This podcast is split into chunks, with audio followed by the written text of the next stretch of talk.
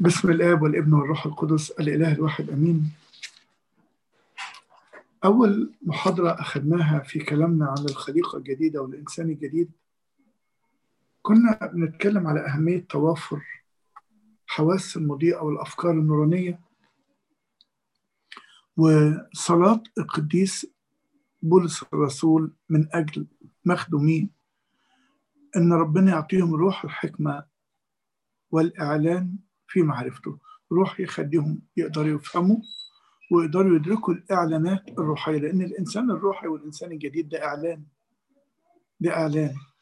فقبل ما أنا أكون مطمئن إن أنا بعرض إليك إعلان معين ينبغي أن أطمئن إن أنت مفتح عينيك الأول.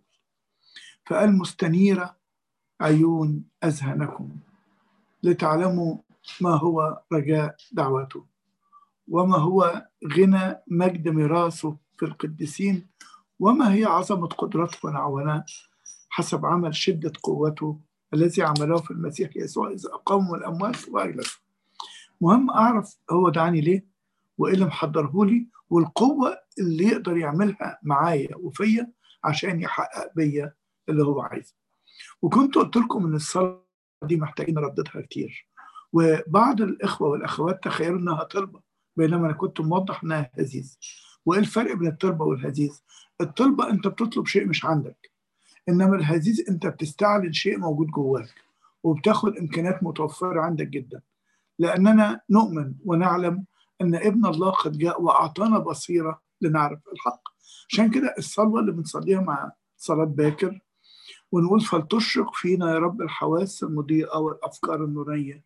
مهمة قوي قوي أن تنفتح فينا هذه الحواس وهذه الأفكار لكي نتقدم أكثر في طريق الإعلان الروحي إن هو ربنا أعلنها لينا بالفعل بروحه زي ما اتقال كده إن ما لم ترى عين بشرية ولم تسمع به أذن بشرية ولم يخطر قط على بال إنسان بشري ما أعده الله للذين يحبونه فأعلنه.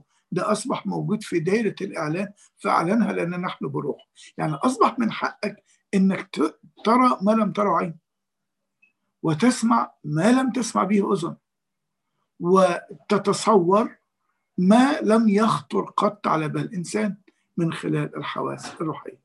ودي حواس مش اختراع جديد ولا حاجة وإن كانت متوفرة بسبب الميلاد الجديد والطبيعة الجديدة إلا أن حتى اتقال على أبائنا القديسين الأنبياء الذين بالإيمان من بعيد نظروها وصدقوها وحيوها وأقروا أنهم غرباء. في الإيمان مات هؤلاء وهم لم ينالوا المواعيد بس شافوها. فلكن أعطي لنا يا أحبائي إحنا أيضا أن نراها وأن نعرفها. وقلت الهزيز فيها إن إحنا فعلا يعني بالمصابرة كده نجد إن اللي كان مقفول علينا اتفتح. ونجد في معونة من الروح القدس زي ما اتقال كده كذلك الروح أيضا يعين ضعفاتنا. لأننا لسنا نعرف بعد ما نصلي لأجله كما ينبغي. ولكن الذي يفحص القلوب يعرف ما هو اهتمام الروح القدس اللي جواك لأنه بحسب مشيئة الله يشفع في القديسين دي الأدوات اللي كنا محتاجين نجهزها عشان نتقدم أكثر في هذا الطريق الرائع.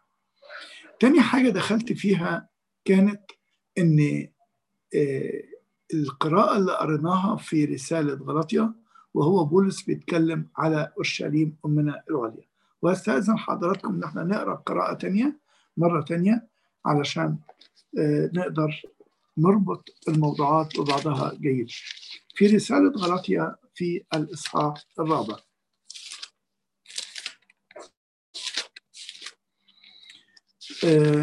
كان عامل تشبيه جميل ولكنه كان مفتاح رائع جدا لما قال في إصحاح أربعة عدد واحد وعشرين قولوا لي أنتم. الذين تريدون أن تكونوا تحت الناموس كان الناس هيرتدوا للعبادة اليهودية تاني. ألستم تسمعون الناموس؟ فإنه مكتوب كان أنه كان لإبراهيم ابنان واحد من الجارية والآخر من الحرة. واحد اتولد بالجسد والتاني اتولد بالوعد. لكن الذي من الجارية ولد حسب الجسد وأما الذي من الحرة فبالموعد. وكل ذلك رمز ليه؟ لأن هاتين هما العهدان. أحدهما من جبل سيناء الوالد للعبودية الذي هو هاجر. أحدهما من جبل سيناء اللي هو استلم عليه الشريعة والعهد الأول لو حيا الشريعة وسماه ده هاجر. معقولة؟ كل الجمال ده يا رب. كل المجد اللي أنت عملته ده يا رب. وكان الجبل بيتزعزع ويدخن وأمجاد وبروق ورعود وكل ده ده العبودية. آه ليه؟ لأن الناموس يا أحبائي استمد قوته من أحكام الموت. ملعون كل من لا يثبت في هذه التوراة. ملعون. ومن خالف ناموس موسى على يد شهدين أو أكثر يموت رأفة من بين اللعنات والموت خاف الناس من الوصية. فكانوا بينفذوا الوصية خوفا. كانوا بينفذوا الوصية خوفا. مش بينفذوها حبا. لكن لما جه ربنا في العهد الجديد أعطانا الشريعة وناموس الحياة يقول إيه بقى؟ ده الروح. الروح يحيي. تستمد الوصية في العهد الجديد قوتها من الحياة اللي فيها. يعني الذي يفعلها يحيا به يقول لك صلي ولما تصلي تاخد حق ويقول لك صوم ولما تصوم تاخد قوة وتاخد نعمة. ويقول لك سامح ولما تسامح تاخد سلام داخلي. فبتستمد كل وصايا العهد الجديد قوتها من النعمة اللي فيها ومن الروح. والذي يفعلها يحيا به. فبينما كانت وصايا العهد القديم تستمد قوتها من أحكام الموت اللي وراها ينفذوها خوفا ودي كانت العبودية. أحكام العهد الجديد تستمد قوتها من الحياة التي وراها وهي دي الحرية. إن أنا أقدر أعملها أتمتع بالحاجة دي ولو ما عملتهاش أنا خسران. إنما في العهد القديم ما قدامش خيار لو ما عملتهاش أموت. من خالف ناموس موسى موتا يموت. ده الفرق بين العبودية وبين الحرية. يقول كل ذلك رمز لأن هاتين هما العهدان أحدهما من جبل سيناء الوالد للعبودية الذي هو هاجر لأن هاجر من جبل سيناء في العربية ولكنه يقابل أورشليم الحاضرة مدينة يهود إيه ده؟ هو دي مركز العبادة اليهودية والهيكل ومدينة الملك ترسا. دي دي دي دي هي دي العبودية بعينها كل الأمجاد والأفراح وال التهاليل والأبواق والذبائح وكل ده عبوديه ده زي مين؟ زي هاجر. طيب. آه وهي لكنها يقابل أورشليم الحاضره أنها مستعبدة مع بنيها. يعني حياة حياة البشر حياة في الجسد تحت العبودية. أما أورشليم العليا هنا بقى يبتدي يبص للسماء كده ويشاور وحلوة قوي كلمة العليا. في أورشليم تانية؟ آه. دي أمنا العليا. التي هي أمنا جميعا خدوا بالكم التعبير ينظر من يجد الأمومة في أورشليم كلنا المؤمنين منا كويسين قوي يجدوا الأبوة في الله لكنهم لا يجدوا الأمومة في أورشليم يعني إيه الأمومة؟ يعني الجسد اللي أنا اتولدت منه والوسيلة اللي ربنا حقق بيها أبوته للحياة الجديدة. ده أمر في غاية الخطورة. إنك تعرف أمك العليا. اللي قال عليها المسيح النقدموس إن كان أحد لا يولد من فوق وأشيل أنا كلمة من فوق وأقول من أورشليم أمنا العليا. لا يقدر أن يدخل ملكوت السماوات. لا يقدر أن يرى ملكوت السماوات. إذا وإن كان الأب واحد ربنا اللي خلق الخليقة الأولى والخليقة الثانية إنما الجسد مختلف. أنا ابن الأرض أصلي من سراها ده آدم الأول. ده تراب الأرض. طب بس آدم الجديد؟ لا ده مولود من السماء. أمنا أورشليم العليا. يعني أنت عندك ولادتين ولادة أولى من أبوك وأمك الجسديين الأرضيين ودي منبعها التراب. وولادة تانية من أبوك وأمك الروحيين الله وأورشليم العليا ودي منبعها النور السماوي. اذا أنت ليك جسد ترابي وجسد إيه؟ سماوي. قبل ما أعبر عن النقطة دي أحب أقرأ لك الكلام ده بوضوح أكتر في كورنثوس الأولى 15 فهو هنا في كورنثوس الأولى 15 بيتكلم على الخليقتين. بص بقى الجمال كله يقول إيه بقى؟ هكذا مكتوب عدد 48 أيضا. صار آدم الإنسان الأول نفسا حيه يعني ربنا ما خلق آدم كجسد ونفس ووضع فيه نسمة حياة فصارت نفسه حيه نفس فيها حياة. طيب وآدم الأخير اللي هو مين؟ يسوع المسيح. ماله؟ روحا محييا. ده نفس بتحيا من خلال الروح وده روح بيحيي النفس والجسد معا روح محيي. أما الرب فهو الروح. ده ده بيتكلم على ولادتك الجديدة؟ آه. لكن ليس الروحاني اولا بل الحيواني اولا وبعد ذلك الروحاني. يعني جه آدم الحيواني اللي هو الحيوان. كلمة حيوان جاية من كلمة حي حيوان زي إيه؟ عطش عطشان جاع جوعان حي حيوان ده لفظ بتاع ليه حيوان؟ لأن الروح فيه بيحيي النفس. نفسا حية بالروح. إنما صار الإنسان الجديد لا ده روحا محييا ليس الروحاني اولا بل الحيواني وبعد ذلك إيه؟ الروحاني. اقرأ بقى كمان. الإنسان الأول هو آدم أو أنت قبل المعمودية. الإنسان الأول من الأرض ترابي. يا آدم أنت تراب وإلى تراب تعود. فلما يموت التراب يروح للتراب. طب ولما يموت السماوي يروح السماء. دي النقلة الكبيرة. أنا بحط إيدك على طبيعتك الجديدة اللي أنا عايزك تتحسسها تماما. إن كنا في أول خدمة دورنا على الأدوات التي بها نعاين مفاهيم الطبيعة الخدمة دي أنا عايزك تتحسس الإمكانات المتاحة ليك حتى تستطيع أن تستخدمها. فبقول كده الإنسان الأول من الأرض ترابي الإنسان الثاني يسوع المسيح الرب من السماء. ده ترابي وده سماوي. كما هو الترابي هكذا الترابيون أيضا وكما هو السماوي هكذا إيه؟ السماويون أيضا. حضرتك كنت ترابي وحضرتي أنا كنت ترابي ولكن هذا الترابي لما اعتمد صار نوراني. صار نوراني. صار سماوي. صار سماوي صار نوراني صار سماوي. حتى في ترنيمة حلوة بتقول مدعو سماوي. مدعو السماوي. انت اسمك سماوي. ده بعد المعمودية؟ آه. بس ممكن ألاقيك عايش حسب الترابيون. دي مشكلة. إنك أنت بعد ما كنت مدعو سماوي تعيش حسب الترابيون. اذا إحنا لما نتقدم للموضوع ده ليه؟ عشان نتمتع بهذا السماوي وناخد منه قوة على هذا التراب.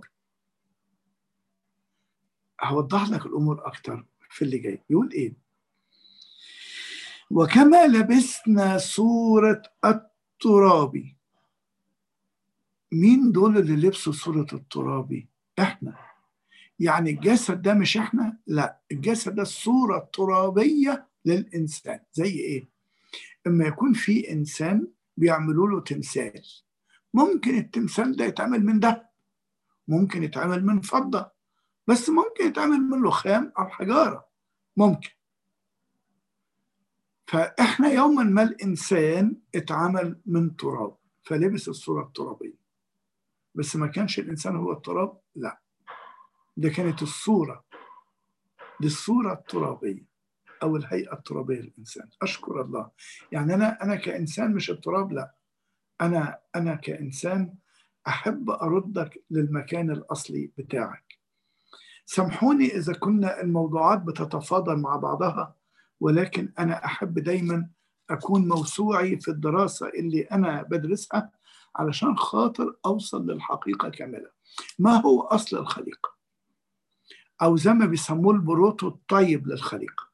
اللي منكم قارئ لسفر الرؤيا وسفر حزقيال نجد إن كان في أربعة كائنات حية أو مملوءة بالحياة أو زي ما قالوا حيوانات. ما تنطقهاش حيوان لا حيوان على لفظ الفعلان. حيوانات. هذه الأربعة حيوانات هي ال prototype للخليقة. دي من قبل الخليقة موجودة آه واحد شبه أسد واحد شبه الثور واحد شبه النسر والرابع مش شبه الإنسان على صورة إنسان. الوحيد لما تقرا في سفر الرؤيا كده أحب أقراها لحضرتك عشان تعرف الفرق. يمكن أنت ما تاخدش بالك بسرعة وأنت بتقرأ كده نقرأ في صح أربعة. في سفر الرؤيا. نجد بيقول الحيوان الأول شبه أسد هو مش أسد لكنه شبه أسد. والحيوان الثاني شبه عجل. هو مش عجل لكن شبه عجل والحيوان الثالث له وجه مثله مش شبه بقى له وجه مثل وجه إنسان. والحيوان الرابع شبه نسر كلهم مشبهات إلا أنت أصل له وجه مثل وجه إنسان هذا هو أنت.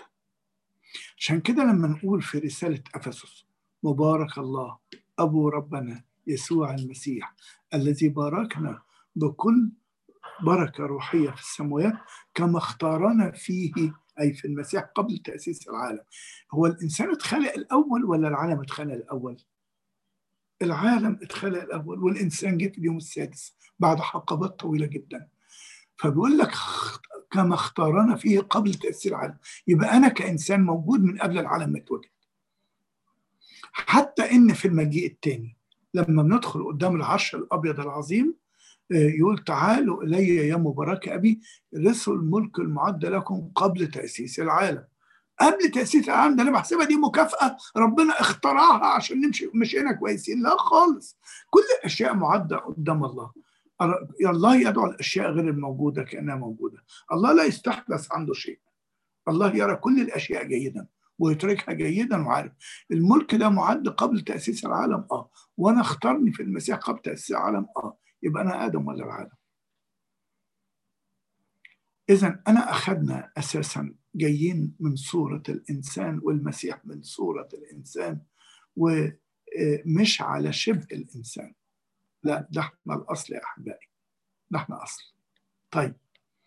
فبيقول كده كما لبسنا صورة الترابي ده صورة الإنسان عشان كده قلت لكم مش شبه. لا صورة الترابي أيضا سنلبس أيضا صورة إيه؟ السماء. هذا السماء هو الإنسان الجديد يا أحبائي اللي هو موضوعنا النهاردة. أننا نريد أن نلبس صورة السماء. إذا زي بالظبط إيه؟ أشبه لك الموضوع.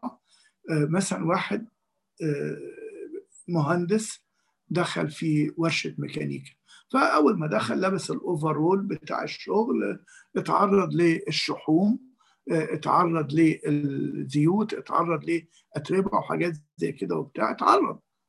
واتسخ ثوبه جدا. فيجي آخر النهار الساعة 4 ونص 5 يروح قالع ال overall ده ويلبس بقى البدله الشيك بتاعته آخر جمال. هو هو الإنسان لكن لابس ال overall هو هو الإنسان لابس البدلة الشيك. هكذا أنت أيضا. أنت اللي لبست صورة الترابي عشان يتناسب مع الأرض بتاكل من تراب الأرض ويشرب من مياه الأرض. تتنفس هواء الأرض وتكتسي من منتوجات الأرض كل حاجة أرضية اخد جسد ترابي.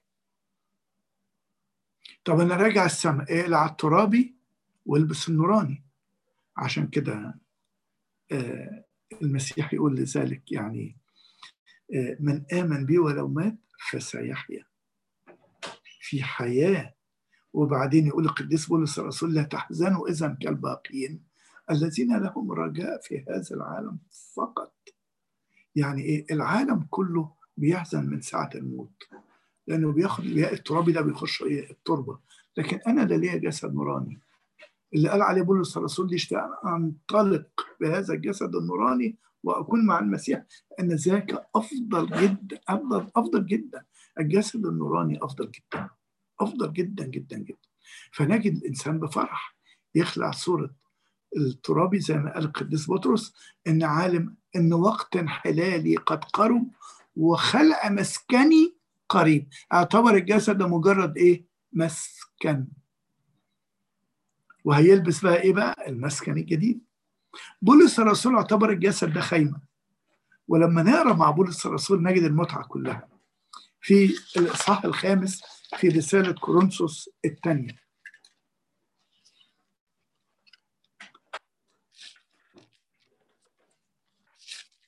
القديس بولس الرسول بيستخدم تعبير عن الهيكل والخيمة.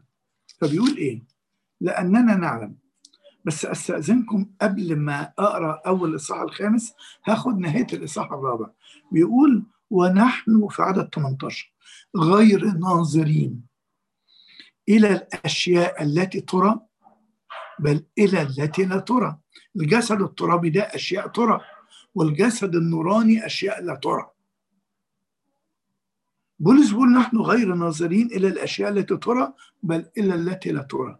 لأن التي ترى وقتية وأما التي لا ترى فأبدية. أنت لما تقدمت في الطريق تقول لي تعالى ندرس عن الخليقة الجديدة والإنسان الجديد أنت بتدور على الأشياء التي لا ترى.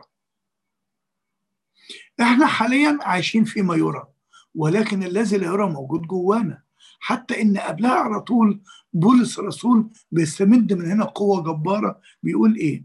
في عدد 56 لذلك لا نفشل بل كان إن كان إنساننا الخارج اللي هو الترابي. وإن كان إنساننا الخارج يفنى فالداخل اللي هو السماوي يتجدد يوما فيوما بيعتبر إن ليه كم إنسان؟ بيعتبر إن ليه اتنين. واحد خارجي الترابي وواحد داخلي النوراني السماوي. فبقول لو كان الترابي بيفنى بسبب الاستشهاد أو بسبب الأمراض أو الحوادث المؤسفة أو بسبب ضيق العالم الحاضر أو بسبب خسران فرص جميلة للحياة المسرة كل ده بيسموه الإنسان الخارجي. كل ده بيسموه الإنسان الخارج. كل ده الإنسان الخارج حبيبي. بقول إذا كان الإنسان الخارج يفنى فالداخل يتجدد. يعني إيه؟ يتجدد يعني ينبني. التجديد هو إعادة البناء. لما قلت تجددوا بروح ذهنكم ودي من طبيعة الإنسان الجديد. دي طبيعة عظيمة جدا جدا جدا بتتجدد. يعاد بناؤها باستمرار. مش زي الجسد اللي يفنى. فبيقول الداخل يتجدد. طيب هنا أخذ درس تعليمي مهم عن الخليقه الجديده لما يكون إنسان متمتع بطبيعة داخلية كل ما يتعرض لعوامل إفناء خارجي اضطهاد مذلة مهانة خسارة حواس معينة خسارة عواطف معينة خسارة أموال معينة خسارة مستقبل معينة فرص معينة كحد أنا أنا بخسر أنا مش عشتش أنا ما أخدتش حقي. لو أنت إنسان مؤمن على حس ده الداخل يتجدد. تاخد بنيان داخلي تعويض داخلي. الداخل يتجدد يوما فيوما هنا لا نفشل. لذلك لا نفشل. لا نفشل. طب لو أنت ما عندكش طبيعة داخلية بتتجدد والخارجي انهار والداخلي ما فيش هنا الفشل يا أحبائي. عشان كده بولس سماها روح الفشل لا نحن لم نأخذ روح الفشل بل روح النجاح والقوة والحكمة والنصر. لم نأخذ روح الفشل. روح الفشل ده روح إبليس. فاشل يعني نهايته العدم. إنما الله روح النجاح. الله روح النجاح. كان الرب مع يوسف كان الراجل نجاح إذا أنت بتقابل بشر نوعين في حياتك. ناس عندهم طبيعة داخلية تتجدد على حساب الأحزان يشرقوا ويزدادوا جمال. قدرما زلوهم قدرما ناموا وامتدوا. أو ناس ما عندهمش طبيعة داخلية متجددة فكل ما يتحطم من بره يجي له اكتئاب ويجي له يأس ويجي له أمراض نفسية يضيع. بولس الرسول حل المفارقة دي بطريقة مبدعة. قال ده عندنا كنز في أوان خزفية. لما أقرأ لك الكلام ده تحس بعظمة الحياة اللي ربنا عطاها لك في المعموديه بيقول كده في عدد سبعة ولكن لنا هذا الكنز في أوان خزفية. طبعا واضح إن الإناء الخزفي هو التراب. يعني الإناء الخزفي هو التراب. الجسد اللي مأخوذ من التراب. طب والكنز؟ الحتة السماوية اللي جواك. وأرجو تستوعب معايا يعني إيه الحتة السماوية اللي جواك. أنت جواك حتة من السماء. ليه؟ إن أورشليم أمك العليا هي السماء. وأنا لسه ما اتكلمتش على أورشليم. أنا بكلمك النهارده على ما هو متاح إليك من ادوات من أجل حل هذه المفارقة. نعلم أنه ولكن لنا هذا الكنز في أوان خزفية ليكون فضل القوة اللي نكمل براب الهلاك الخارجي لله لا منا ده مكمل إزاي ده؟ ده بيحطموه ويحطموا معنوياته ويحطموا نفسيته ده ضيعوا مستقبله ده راحت فرصه ده وصل للموت. ولا يهمنا. ليه؟ في حاجة عظيمة جانا من الله. نحن الأحياء نسلم دائما للموت كي تظهر حياة يسوع في جسدنا المائت تظهر حياة يسوع. أنت تحتوي حياة يسوع جواك. بيكمل القديس بولس الرسول يقول إيه بقى؟ مكتئبين في كل شيء. واحد مرة سألني هو ممكن المؤمن يكتئب؟ بولس هو أبو الإيمان بيقول لك مكتئبين في كل شيء. دي عيشة تسد النفس. ده الأمور اللي حوالينا مؤلمه اضطهاد من جوه ومتاع من بره وتراكم عليا كل يوم. اقرا اصحاح تسعة في رسالة كورنثوس. وأنت تعرف الام بولس كانت قد إيه مكتئبين في كل شيء. يسوع المسيح لما دخل جسماني ابتدأ يكتئب ويحزن ويجهش بالبكاء. فالاكتئاب ده يجي آه يجي ما يجيش ليه؟ ما هو العالم ده يجيب اغرى الكآبة إنما الحياة الجديدة يجيب الابتهاج. بقول مكتئبين في كل شيء. لكن غير متضايقين ما احناش مخنوقين يعني. إيه؟ عادة الاكتئاب يقود إلى اليأس. لكن ده مش متضايق. إزاي يعني؟ ما هو جواه كنز. ويقول كده متحيرين. يعني إيه؟ قد لا نجد حلا مناسبا. مش لاقيين حل أنا مش لاقي حل لمشاكلي. أنا مش عارف أطلع منها إزاي. آه. لكن غير يائسين. أكيد في حل. إيه؟ في حل. إيه السبب انه عنده رجاء؟ عنده كنز. وبعدين مضطهدين رئيسي في الشغل زميلي في مش عارف إيه جاري في البيت مش عارف مضطهدين زمايلي مضطهد. أنا متحاصر كله حواليا كله ضدي. مضطهدين. لكن غير متروكين. أنا مش حاسس ان لوحدي أنا حاسس ربنا معايا وساندني ومعز. إيه ده إيه ده إيه ده, ده. وبعدين مطروحين. اطردنا بره اطردنا بره أخرجوه خارج المجمع. لكن غير هالكين مش ضايع. أنا عارف إن ليا رجاء وليا حياة. لو تقرأ الاثنين دول يجيب لك الإنسان الجديد والإنسان العتيق. العتيق أدي صفاته إيه بقى؟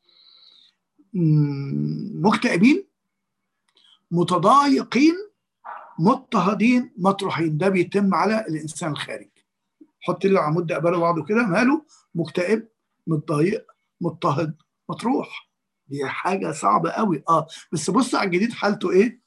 مش متضايق ومش يائس ومش متروك ومش هالك. إيه؟ في وسطنا كله آه مش متضايق ومش يائس ومش متروك مش اقراها لك أنا بقى بطريقة تانية مش متضايق أنا حاسس بالراحه مش يائس يعني عندي رجا مش متروك لأن ربنا معايا ومش هالك لأن ليا حاجة جديدة. دي المفارقة الجبارة اللي نقرأ عليها الأناجيل لكي ندرك ما هو الخليقة الجديدة والإنسان الجديد. دي قراءة رشيدة في رسائل بولس الرسول تطبيقية عليا وعليك وعلى حياتك. إيه ده؟ ده هي دي جايبانا بالظبط يا جدع. أيوه. وكل ما كان الإنسان الداخلي كنزك بيلمع وعظيم كل ما كان تأثيرات الحياة الخارجية أقل تاثيرا عليك. عشان كده يقول في رسالة يعقوب أعلى أحدكم مشقات فليصلي. طيب اقرأ بقى اللي جاي بقى كده. الجمال ده كله. حاملين في الجسد الخارجي. كل حين إماتة الرب يسوع اللي حصل في جسد المسيح. إهانة وجلد وضربات ومسامير وعرق ودم ودم حاملين إحنا كده. وبعدين لكي تظهر حياة يسوع في جسدنا المات. أجران الكنز ده اسمه إيه؟ حياة يسوع. هذا الكنز الذي في داخلك وداخلي اسمه حياة يسوع. أنا عندي حياة يسوع في جسد المائت طيب لأننا نحن الأحياء في الجسد. نسلم دائما للموت من أجل يسوع. بتضطهد في شغلك من أجل يسوع. اضطهدت في تقديرك وفي دراستك من أجل يسوع. اللي حواليك رافضينك من أجل يسوع. مش عايزين يدوك فرصتك. ده اضطهاد آه. ده بغلاف الاضطهاد لما اكون كارز أو مبشر أو خادم أو حاجة. آه بضطهد آه من أجل يسوع. ليه بستحمل ده كله؟ ابدا لكي تظهر حياة يسوع أيضا في جسدنا المائت كي تظهر حياة يسوع أيضا. يا أنا بستحمل من أجلها أحتمل حتى القيود كمذنب. كمذنب. ولكن كلمة الله لا تقيد. تخيل بعد ما تعدي معارك الحياة 70 80 سنة في الأرض واضطهاد من هنا وخطايا من هنا وغوايه من هنا وشر من هنا وفساد من هنا وخرجت من كل ده وطلعت السماء وربحت نفسك وظهر فيها حياة يسوع. السماء تعمل لك استقبال شكله إيه ده؟ إزاي نفتي إزاي نفت من الشر ده كله؟ أترى جازت نفوسنا الماء الذي لا نهاية له؟ أنا أقول لهم الفخ انكسر. ونحن نجونا عونونا باسم الرب إلهنا. أنا قدرت أعدي في وسط العالم وجيت لكم بالخليقة الجديدة. أنا ما فقدتش نفسي. اللي قال فيها يسوع ماذا ينتفع الإنسان لو ربح العالم كله وخسر نفسه وماذا يعطي فداء عن نفسه. اوعى تبيع رخيص. المفارقة دي هي البولس الرسول سماها إذ لنا روح الإيمان عين. إذا لو أنت متمتع بالإدراك ما بين الإنسان الداخلي والخارجي أنت عندك روح الإيمان عين. فكل ما إنسانك الخارجي يفنى الداخل يتجدد يوما فيوما كل ما يضغطوا عليك من بره صلواتك أعمق. عارف زي فكرة إيه؟ صناعة اللؤلؤ. لما يجوا مثلا ما اخترعوا اللؤلؤ بيعملوه إزاي؟ ما يكون في محارة في البحر في أعماق البحر. آه فيها ماده رخوة كده جواها وبتاع يجي أي حيوان بحري عايز يخش جواها عصوي كده يخش جواها المحارة مش عايزاه. تقعد تفرز عليه إفرازات جامدة قوي وتروح مجمداه عشان تموته. بياخد وقت آه. بس الإفرازات دي لما تتجمد بتشكل اللؤلؤة. فإن كان الحيوان ده عصوي طويل كده تطلع لؤلؤة طويلة. وإذا كان كروي تطلع لؤلؤة مدورة. فابتدوا يعملوا حاجة اسمها صناعة اللؤلؤ يتحكموا فيما يدخل في هذه المحارة. حبيبي أنت اللي داخل في محارتك أمور مؤلمة.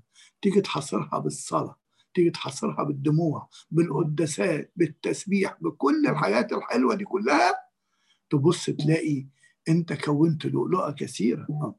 أجمل حاجة لما تسمع إن في أورشليم الجديدة السماء الأولى والأرض الأولى قد مضت والبحر لا يوجد فيما بعد. حاجة واحدة بس اللي بتبقى من البحر. إيه اللي قالت يقول لك وكانت أبواب المدينة من اثنى عشر لؤلؤة. كل باب من لؤلؤة واحدة لقالق دي الناس اللي اتألموا في العالم وخدوها بروح الصلاة والنعمة دول أنقذوا من بحر هذا العالم الذين يستخدمون العالم وكأنهم لا يستخدمون. هذه هي أعماق وأسرار الخليقة الجديدة اللي هي تطبيقيه أنا لسه ما خدتش الأحداث بتتم إزاي. لكن عايز أقول لك ده اللي في حياتك النهارده. فكل ما إنسانك الداخل الخارج يفنى الداخل يتجدد. طب وأوقات الوسع والفرفشة والنعنشة؟ لا فيها نمو ولا فيها حاجة. معقولة؟ آه. بس في ناس قدروا من خلال أرواح أجواء الفرفشة والنعنشة والراحة يكونوا إنسان جديد. إزاي؟ إما تمموا النبوة بتاعت زكريا على يوحنا المعمدان وعلى يسوع المسيح. بيقول كده إيه لكي نعبده بلا خوف ونحن منقذين من أيدي أعدائنا. في ناس وسط أجواء الراحة وأجواء السلام ابتدوا يقدموا عبادة لله من أجل التلذذ ومن أجل التمتع ومن أجل الارتقاء والفرح دي عبادة بلا خوف. هم دول قدروا يتمتعوا بالإنسان الجديد في أوقات الراحة. يبقى عندي نوعين ووسيلتين في التمتع. إذا الدنيا رحبت ليا بعبده بلا خوف وإذا الدنيا زنقت عليا بصرخ وأصلي وأعمل لآلي. أي الجمال ده كله. حولت ليها العقوبة خلاص إنما في في, في العهد القديم كانت في الجسد هموم غرور الغنى وهموم الفقر يخنقان الكلمة تصير بلا ثمر.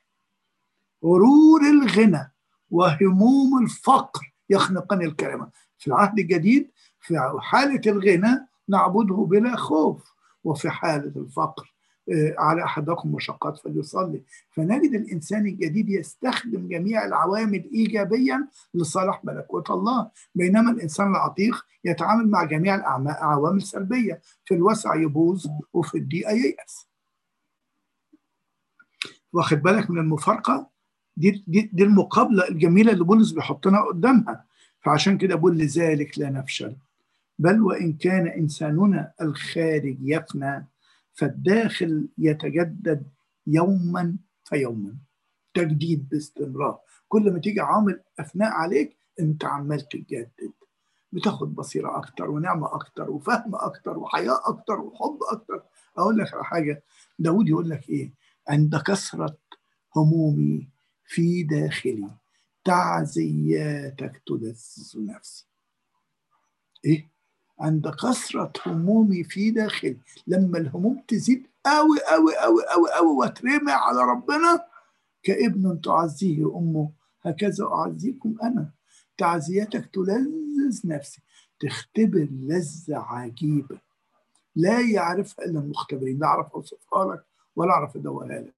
لكن اللي قدروا لأن في حالات الهموم الجامدة بيكون الإخلاء وصل مداه مفيش فرح. مفيش سلام مفيش راحة مفيش رأجة مفيش فلوس مفيش صحة مفيش ونس وحدة. ده حالة إخلاء إجبارية رهيبة. آه يجي ربنا يعمل لك حالة ملء داخلية ملهاش حل. دي من مؤهلات ومن سمات الإنسان الجديد. الداخل يتجدد يوما فيوما لأن خفة ضيقاتنا الوقتية بتعمل إيه؟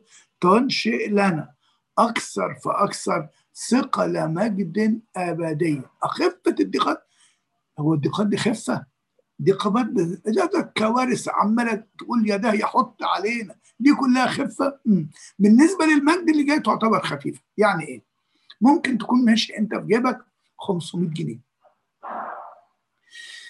أنت ماسك عليهم جامد دول مبلغ محترم أنا مش عايز أضحي. بيه وبعدين وهوب وأنت ماشي لقيت أوكازيون جاكيت محترم قوي قوي من اللي هو يساوي مثلا 3000 4000 جنيه نازل عليه أوكازيون ب 500 جنيه. ما بتفكرش. لسه حد بيحكي لي امبارح بيقول لي عارف الجاكيت ده؟ الجاكيت ده ثمنه كان في البترينا 12000 جنيه. قلت له في جاكيت ب 12000 انت مش دريان بالأسعار. أنا خدته في أوكازيون كانت فرصة كده دفعت فيه كام؟ 2000 جنيه. قلت له 2000 جنيه وأنا عليك. قال لي إحنا علي إيه يا جدع؟ انت ما بتفهمش. ده 2000 جنيه مش فلوس. دي مش فلوس. دي مش فلوس آه. عشان كده اما تشوف الضيقات اللي عليك والأمجاد اللي بعدها تقول الضيقات دي مش ضيقات دي مش فلوس. يا خبر أبيض! انفتاح البصيرة هنا بيخلي أمور العالم صغيرة. أما العين المقفولة تشوف أمور العالم دي ملهاش حل. كوارث حطت علينا. ولا يخلى بيك يا متعوس يفوتك النمل يجي لك الناموس. مش عارف ألاقيها منين ولا منين ولا منين. العملية مطينة على دماغي قوي حبيبي ده عينك اللي أنت شايفها ده بس. فتحتش عين البصيرة. شفت إيه اللي بيتحط لك في الأشغال والمصانع والورش ساعات يبقى في حاجة اسمها night shift فاللي يجوا يسهروا بيحسبوا لهم الساعة ب 2 فيجي اللي ياخد له ثلاث ساعات يحسب له يوم يلاقي نفسه حسب له 200 جنيه زيادة. ف يترقبوها يترقبوها. هو أنا اسمي ما نزلش في السهره لا. طب ليه هندسة بقى؟ تناسيني ليه؟ ما تحطني في السهرات وبتاع. ليه؟ بيقعد ساعتين ثلاثة عمل 200 300 جنيه. حلوين قوي قوي طب لو ما كانش في مقابل اسمك نازل في السهر. ده أنا ظهري بيوجعني. ده أنا رجلي مبقبشه ده أنا أمي عيانة وأبويا مش عارف. ليه؟ مش عايز يسمع ما هو مفيش مقابل. هو مش شايف مقابل. إنما اللي شاف المقابل يتمنى السهر. وهكذا في أتعاب الحياة. اللي شاف مقابل الأتعاب يتمناها. ليه؟ لأن ليها مكافآت ملهاش حل. ياه! مجد ملوش حدود. عز ما كانوا هيرجموا استفانوس رأى السماء مفتوحة. وابن الإنسان واقف عن يمين العظمة بيستقبله الرجمة اللي اتعملت في بولس الرسول آه كان معاها رؤية عظيمة جدا جدا جدا. أعرف إنسانا في الجسد لست أعلم خارج الجسد. هذا أختطف إلى السماء الثالثة وهناك رأى أمور لا يسوغ لإنسان أن يتكلم بها. ده خدها الفندي وهو كان بيترجم الاسترا وعز الرجمة ربنا قال له يا ابني سيبك من الطب والزلط ده كله تعالى معايا مشوار فوق. والجسد يا عم سيبك من الجسد. والعجيب بعد ما خد الرؤية دي وتمتع بده كله جم التلاميذ شالوا الرجمة من عليه ولقوه حي. حبيبي لو وقع عليك قالب 3 كيلو انت انتهيت. ولو كان 10 كيلو بالسلامة. ولما تكون مئات القوالب والحجارة اترمت عليك انت بتدور على مين؟ رايحين يشيلوا جسد ميت لقوا حي فبولس لما قال في الميتات مرات كثيرة كان يعلم. ولما قال ان إن كانت عندنا ضيقة جامدة حتى يئسنا من الحياة ولكن كان لنا في أنفسنا حكم الموت. ليكون فضل القوة لله لمنا الذي يقيم من الأموات الذي نجانا من موت مثل هذا هو أيضا نجي كان عنده إيمان أن ربنا يقدر يقوم من الأموات. كانش يهمه أبدا الإنسان الخارجي. شوف عظمة الوعي بالإنسان الداخلي تعمل فيك إيه؟ تخليك لا تهتم بالأمور الخارجية. طبعا دي حاجات فوق الطبيعة لكن مين قال إن إحنا طبيعيين؟ ربنا اختارنا لهذه الأشياء الفوق طبيعية. بقول لنا خفه ضيقاتنا الوقتية تنشئ لنا أكثر فأكثر ثقل مجد أبدي. شوف العلاقة من كلمة ثقل وخفة. ونحن غير ناظرين إلى الأشياء التي ترى بل إلى التي لا ترى لأن التي ترى وقتية وأما التي لا ترى إيه فأبدية. هنا نحتاج نظرة إلى الأشياء التي لا ترى. وده محتاج منا مرة تانية نتقابل فيها. أحكي لكم على الأشياء التي لا ترى لأن ما لم تره عين أعلنه لنا الله بروح ربنا يعطينا كلنا. هذا الأسبوع.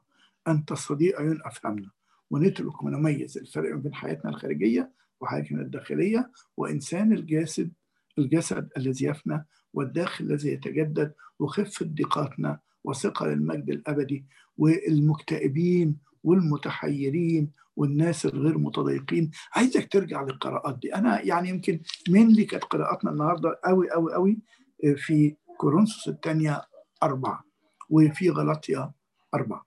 أرجو أن نكون جادين جدا مع بعض نكمل هزيز من أجل انفتاح البصيرة يكون لنا مخادع مفتوحة نتمتع فيها بتجديد الإنسان الجديد. عيون مفتوحة على الإنجيل نتجدد بالكلمة. ولا أنكم خلعتم العتيق ولبستم الجديد آه الذي يتجدد للمعرفة. فالمعرفة وسيلة تجديد والصلاة وسيلة تجديد كل عمل روح وسيلة جديد. ربنا يديكم نعمة ونصلي من أجل استكمال هذا الإعلان الإلهي والمجد الله دائما أبديا. آمين.